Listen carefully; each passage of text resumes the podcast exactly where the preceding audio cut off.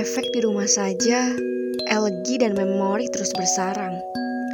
Keinginan menyakiti diri lebih tajam.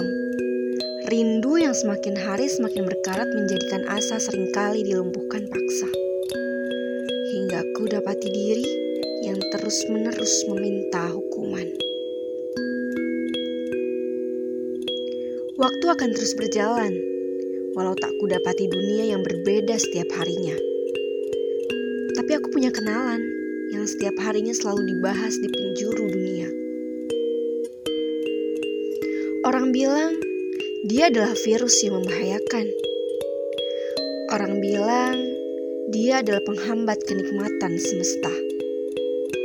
Tapi aku bilang bahwa dia sedang jatuh cinta pada seluruh penduduk bumi. Sehingga dia sedang menikmati segala pemberiannya walau terasa sakit. Begitu kan cinta?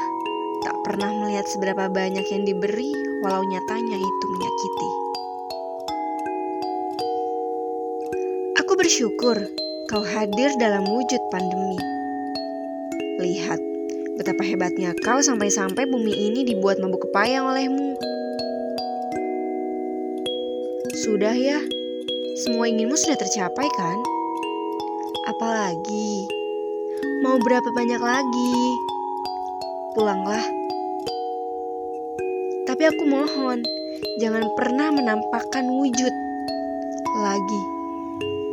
Biarkan aku bernafas walau satu kali. Cinta butuh pengorbanan, kan? Kali ini saja, kamu yang berkorban, ya. Semoga dengan kepergianmu, dunia akan selalu mengenang hadirmu.